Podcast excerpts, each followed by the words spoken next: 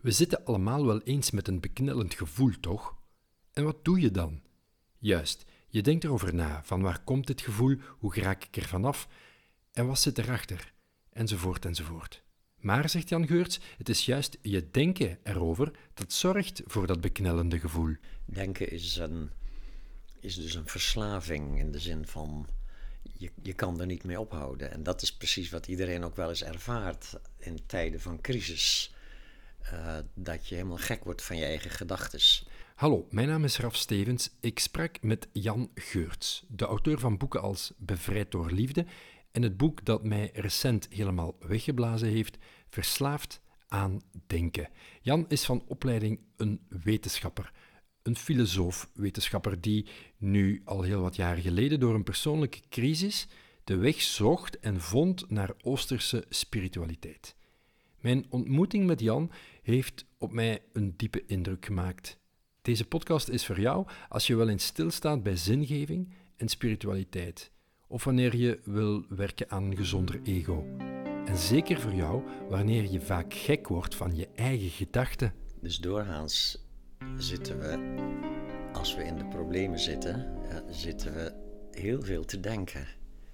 We zoeken oplossingen of geruststellingen of bevestigingen met een soort innerlijke stem, een soort innerlijke dialoog. Is het bijvoorbeeld een crisis met, uh, met een partner, een liefdespartner? Ook als je niet samen bent, ben je de hele tijd in discussie met die partner. Je, uh, en, en dat is niet alleen maar dat je argumenten bedenkt, maar je herhaalt ze ook de hele tijd.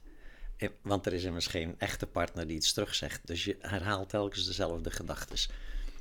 Dus er is een, er is een soort ervaring van beknelling, hè, van lijden, van pijn, emotionele pijn. Het kan jaloezie zijn, of frustratie, of boosheid, of zelfafwijzing, hè, dat soort pijnlijke emoties.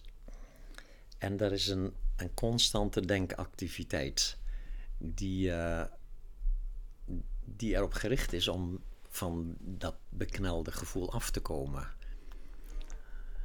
En het bizarre is nu dat het beknelde gevoel juist ontstaat door het denken.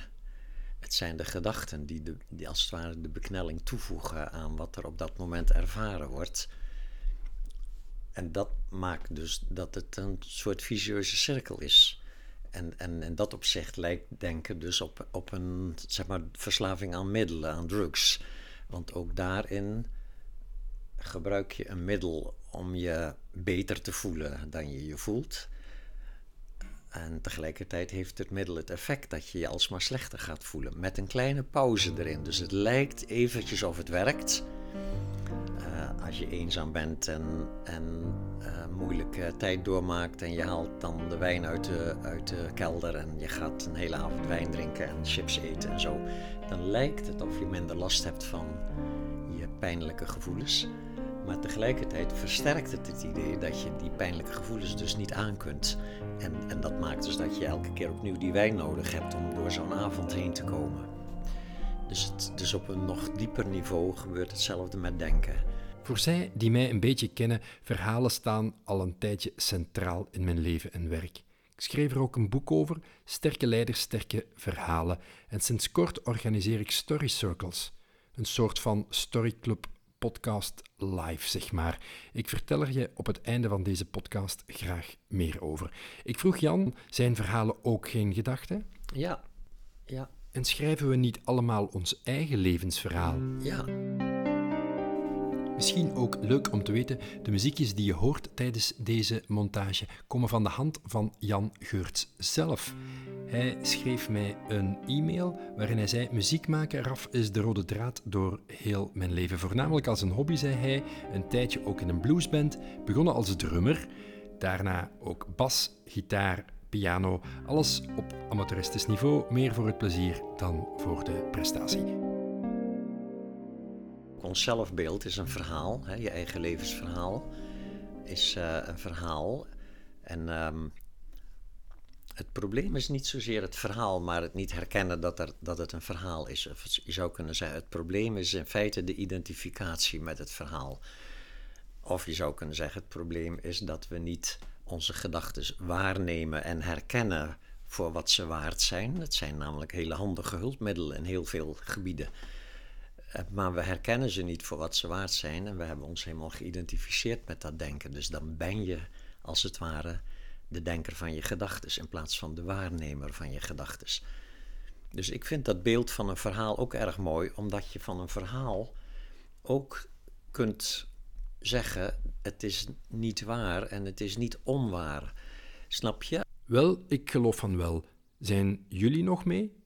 Wat ik me nu wel afvraag, is dat nu een probleem of niet? Werken met je eigen levensverhaal. Maar het gaat dus mis op het moment dat een verhaal beknellend wordt en je niet doorhebt dat het daar op dat gebied niet meer van toepassing is. Dat je ze beschouwt als relatief ware gedachten, zoals de gedachte: ik ben niet om van te houden, ik ben zo lang alleen al, niemand vindt mij aantrekkelijk, ik ben stom, ik ben niet goed genoeg. Dat soort gedachten, dat zijn verhalen die, zodra je ze gelooft, heel veel ellende opleveren. Dus daar, op dat gebied moet je als het ware leren om je gedachten te overstijgen. Je gedachten overstijgen. Niet meer verslaafd zijn aan denken, dat willen we allemaal. Maar willen we ook niet graag opgaan in een verhaal als: Ik ben een inspirerend leider, of ik ben een liefdevolle echtgenoot, ik ben een succesvolle ondernemer? Is daar iets mis mee? Je kunt zelfs een beetje hopen op succes en bang zijn dat iets mislukt, maar je kan nooit te veel verdwijnen in dat hopen op en bang zijn voor, omdat je ergens dan ziet dat dat allemaal een verhaal is. En dat het niet gaat over wie je werkelijk bent. Ik denk dat dat het hele probleem hier is van dat zodra je je te veel identificeert met dat project bijvoorbeeld van je ondernemerschap en dus hoopt op succes en vreest voor falen en gelooft dat die, die hoopgedachtes en die vreesgedachtes dat die ook werkelijk waar zijn en vooral ook dat je gelooft dat als je bedrijf faalt dat jij dan dat dat een bewijs is dat jij een mislukking bent. Dus daar, daar komt identificatie om de hoek. Terwijl als je zeg maar, contact hebt met die ruimere, wat we dan in boeddhisme, boeddha-natuur of natuurlijke staat van zijn, of, of gewoon gewaar zijn, als je zeg maar, ziet dat dat is wie je werkelijk bent, en je, je bedrijfsplan faalt, is er geen enkel probleem.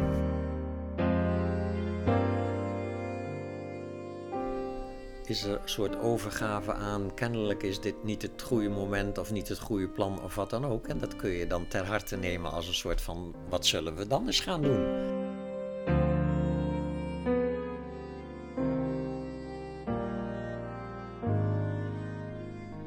En dat betekent niet dat je niet ook teleurstelling voelt. Dus op dat relatieve vlak, waar voor zover je ook in dat verhaal functioneert, kun je teleurgesteld zijn en kun je zelfs op bepaalde momenten gevoelens hebben van falen. Maar je herkent ook meteen dat het gevoelens zijn en niet wie je werkelijk bent. Dus dat geeft als het ware ruimte eromheen. En de vergissing die veel mensen maken, is dat ze menen dat spirituele groei jou bevrijd van je ego in de betekenis dat het ego verdwijnt. Dat het ego niet meer zich hecht aan een liefdespartner en niet meer bang is om te falen. Nee, het ego blijft die dingen allemaal doen. Alleen je bent dat niet langer. Je ziet dat dat gebeurt. Bijna een beetje alsof je naar een film kijkt. Waarin je zelf dan de hoofdpersoon speelt. Ja, de, die ondernemer bijvoorbeeld speelt. Die zijn best doet om een product in de markt te zetten en daar graag succesvol in is. En hij, je, ziet dat als een, je ziet dat als een spel. En dat, dat bevrijdt je van die beknelling. Maar dat bevrijden betekent dus niet, en ook niet bijvoorbeeld bij een relatiecrisis, betekent niet soort van, oh, mijn partner gaat er vandoor met een ander, helemaal geen probleem, goede reis verder, eh, weet je wel, alles oké. Nee, die dingen doen pijn dat hoort er helemaal bij. Op ego-niveau moet die pijn gewoon uh, beleefd worden. Maar er is een gigantisch verschil of je gelooft dat die pijn werkelijk betrekking heeft op jouw wezen. En dus betekent ik ben niet goed genoeg voor deze partner, ik word in de steek gelaten. Of dat je ziet, nee, dit is gewoon wat nu gebeurt op dat relatieve niveau, op dat ego-niveau. Ik zie het gebeuren. Ik voel ook de dingen die daarbij gevoeld moeten worden. Maar de identificatie is er niet meer. Dus ook niet dat excessieve denken erover. Er is een soort lichtheid omheen. Een soort humor. Je zou bijna zeggen een soort humor. Een soort lichtheid. Ik kan het eigenlijk niet anders zeggen. Dat er een soort lichtheid is waarin jouw ego. Je ziet jouw ego die dingen doen. En je ziet jouw ego teleurgesteld zijn. Je ziet jouw ego hopen op succes. En bang zijn voor afwijzing of falen. En daaromheen is die onmetelijke ruimte die daar met vriendelijkheid naar kijkt. Met lichtheid naar je ego kijken. Mooi. Rapper gezegd dan gedaan, lijkt me. Absoluut, ja. Dat is rapper gezegd dan gedaan, ja. Daarvoor moet je dus oefenen. Dat is waarom het een spiritueel pad heet. Anders zou het natuurlijk heel prettig zijn dat je, je leest een boek en je bent van al die problemen af. Hoe komt dat dat zo moeilijk is? Omdat alle mensen eerst een ego ontwikkelen en een identificatie met dat ego. Zeker de eerste 20, 30 jaar van hun leven is dat zo'n beetje de, het enige wat ze, hè, wat ze beseffen. Het enige staat van bewustzijn is identificatie met het aangeleerde zelfbeeld. En dan in de loop van je volwassen leven ontstaat er soms een begin van spirituele interesse, soms een begin van inspiratie. En dan gaan mensen oefenen.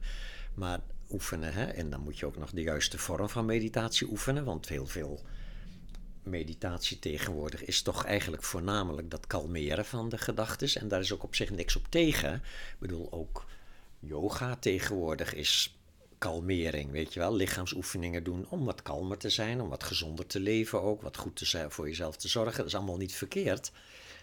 En ook meditatie is een soort is gezond voor je lichaam. Stilzitten is gezond voor je geest, want je kunt daar wat, je geest door wat kalmeren.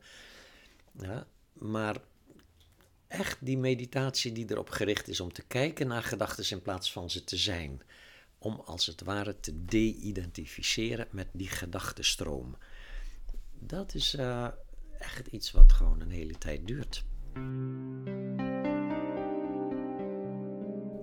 Terug even naar dat ego, meer bepaald dat van Jan. Ik las ergens dat hij een pleaser was, Mr. Nice Guy.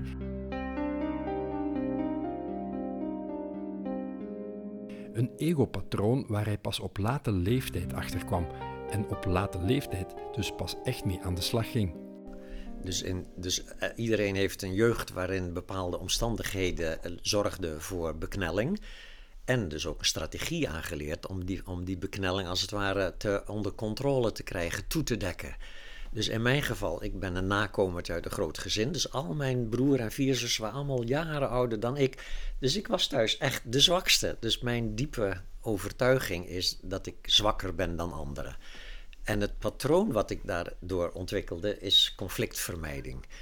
Uh, thuis in conflict komen betekende altijd verliezen. Als ik boos werd, werd ik hartelijk uitgelachen, weet je wel. Want niemand maakte zich zorgen over mijn boosheid. Ja, want ik was toch klein jochie. Ja. Dus dan leer je dat boos zijn het als effect heeft dat je je zwak voelt en dat je uitgelachen wordt. Dus je gaat situaties waarin de boosheid dreigt te ontstaan, ga je onmiddellijk ga je uh, een, een strategie hanteren, dus onbewust een strategie van conflictvermijding. Door bijvoorbeeld door mensen gerust te stellen, door te gaan pleasen, door conflicten toe te dekken. Met een soort van, we hebben allemaal een beetje gelijk gelul, weet je wel, dat soort dingen. Dat is ook wel waar natuurlijk, maar het komt niet vanuit wijsheid, maar vanuit angst. De angst om weer, zeg maar, overruled te worden door, eh, door iemand anders. Dus dat heet dan een nice guy patroon. Hè. Zo heb je heel veel egopatronen, automatismen. En dat, dat doe je. Ik, ik werd mij pas bewust van dat Niagara-patroon rond mijn 45ste. Toen ik een opleiding volgde voor trainer. Trainer met groepen mensen dan. Hè? Want in, die, in dat beroep moet je mensen af en toe dingen kunnen vertellen die ze niet leuk vinden om te horen. Je moet mensen feedback geven over hun functioneren in die training. Iets wat ze misschien wel pijnlijk vinden om te horen. Dat durfde ik dus niet. Dus in die opleiding viel ik als het ware door de mand. En werd, dat patroon werd zichtbaar voor mezelf. Hè? Omdat mijn trainer zei, you fucking nice guy. Ja, was een Engelstalige trainer. En uh, het grappige is dus dat dan word je je bewust van het nice guy patroon, van het ego patroon conflictvermijding. En de eerste reactie is dan dat je daarvan walgt. Ik had zo de pest aan dat, dat ik dat zag van mezelf. Dat, dat, dat, dat alsmaar dat glimlachje als het even spannend werd en zo. Hè? Dat pleasen, dat slijmen. Dat nooit recht voor zijn raap voor je mening uitkomen. Eerst voelen wat denkt een ander hierover. Moet ik misschien voorzichtig zijn? Oh, weet je wel, een soort van walging had ik erover. En ik was dus buitengewoon gemotiveerd om assertiviteit aan te leren. En dat kon je in die opleiding kon je dat goed leren. Waren allemaal trainingssituaties en dan moest je naar iemand toe gaan en zeggen: Die trui van jou vind ik afschuwelijk. Ja, en dat was dan, weet je wel, assertief. Hè? Moest je leren om mensen dingen te zeggen die ze niet leuk vinden om te horen. En eerlijk gezegd, ik heb daar wel baat bij gehad ook. Want, want met die angst om te confronteren zou ik dat werk niet kunnen gaan doen. Dus door training kun je, zeg maar, een egopatroon wat beknelling oplevert, je zou kunnen zeggen een neurotisch egopatroon, kun je door training helpen om gezonder te worden. Ik heb dus gewoon door training geleerd om wel voor mezelf op te komen, om wel mijn mening te durven geven, om wel eventueel mensen te confronteren als ze daar toestemming voor geven. Ja? Daar heb ik heel veel baat bij. Maar, maar het grappige is, dus dat is werken aan je ego. Dus ik heb gewerkt aan een gezonder ego. Maar zonder spirituele beoefening creëer je dan alleen maar een gezonder ego en ben je nog steeds geïdentificeerd met dat nieuwe patroon. Dus in plaats van ik ben bang voor conflicten, is er een soort zelfbeeld van ik, ik durf conflicten aan te gaan, ik durf voor mezelf op te komen. Maar het is nog steeds een identiteit en dat blijkt uit het feit dat op het moment dat je dan eens op een dag even te moe bent om assertief te zijn en je eventjes toch maar liever je mond houdt dan in zeg maar een confrontatie aan te gaan, je onmiddellijk jezelf daarover afwijst en onmiddellijk weer jezelf de zwakste voelt. Dus het blijft nog steeds een systeem wat bedoeld is om een overtuiging die je in je vroege jeugd hebt aangeleerd, in dit geval dus ik ben zwak, toegedekt te houden door bepaald gedrag. Ik was vroeger een nice guy die zich staande hield met seks, drugs en rock and roll en daar veel ellende mee veroorzaakte bij anderen. Zo omschreef Jan zich eerder in een interview dat ik met hem las. Maar hij heeft geen spijt van dat verleden. Hij ziet het als de start van de spirituele weg die hij eind jaren 90 insloeg. Vandaag is Jan Geurts een bekende naam in het spirituele circuit. Je kwam hem misschien al tegen, al ziet hij zichzelf niet als een man met een missie, om spiritualiteit op de kaart te zetten bijvoorbeeld. Wat drijft hem dan? Ik heb altijd een sterke drang gevoeld om dingen te doen die ik leuk vind. En uh, zo heb ik, een, voordat ik met dit bezig was, had ik een cursus in, in mensen helpen met stoppen met roken. Vond ik hartstikke leuk. Toen was ik zelf net gestopt en ik was waanzinnig enthousiast erover. En daarvoor heb ik mensen geholpen met het leren werken bij de computer. Vond ik hartstikke leuk. Had ik groepjes van tien in zo'n computerbedrijfje. En die waren allemaal, hadden een beetje computerangst, weet je wel. Waren meestal vrouwen ook overigens. En, uh, dus ik ging ze uitleggen hoe je dan een computer kunt opstarten en hoe je een programma en tekstverwerking kunt opstarten. Vond ik hartstikke leuk. Dus ik heb altijd dat soort dingen gewoon leuk gevonden. En dat ze dan ook nog succesvol waren. Dat is een soort, soort mazzel, denk ik. Maar ook misschien wel een bijverschijnsel van dat ik vooral dingen doe die ik leuk vind. En dus ook daarna ben ik die workshops gaan geven. Eerst over de innerlijke criticus en daarna over eh, liefde en relaties. En nu geef ik cursussen in meditatie en in hè, waar dit allemaal over gaat, de-identificatie en zo. Ik vind het gewoon nog steeds hartstikke leuk.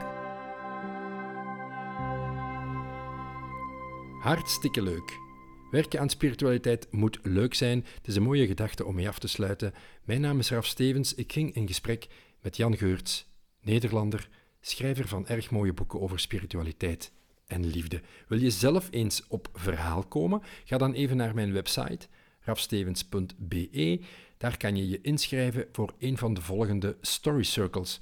Story Circles zijn samenkomsten die een warme plek zijn voor iedereen die zichzelf wil verrijken. Een plaats waar uitwisseling van verhalen en ervaringen centraal staan. De eerstvolgende is op 11 oktober. Heel de agenda op mijn site rafstevens.be en doorklikken naar Story Circles. Misschien tot daar en dan. Voor nu, bedankt voor het luisteren en tot een volgende.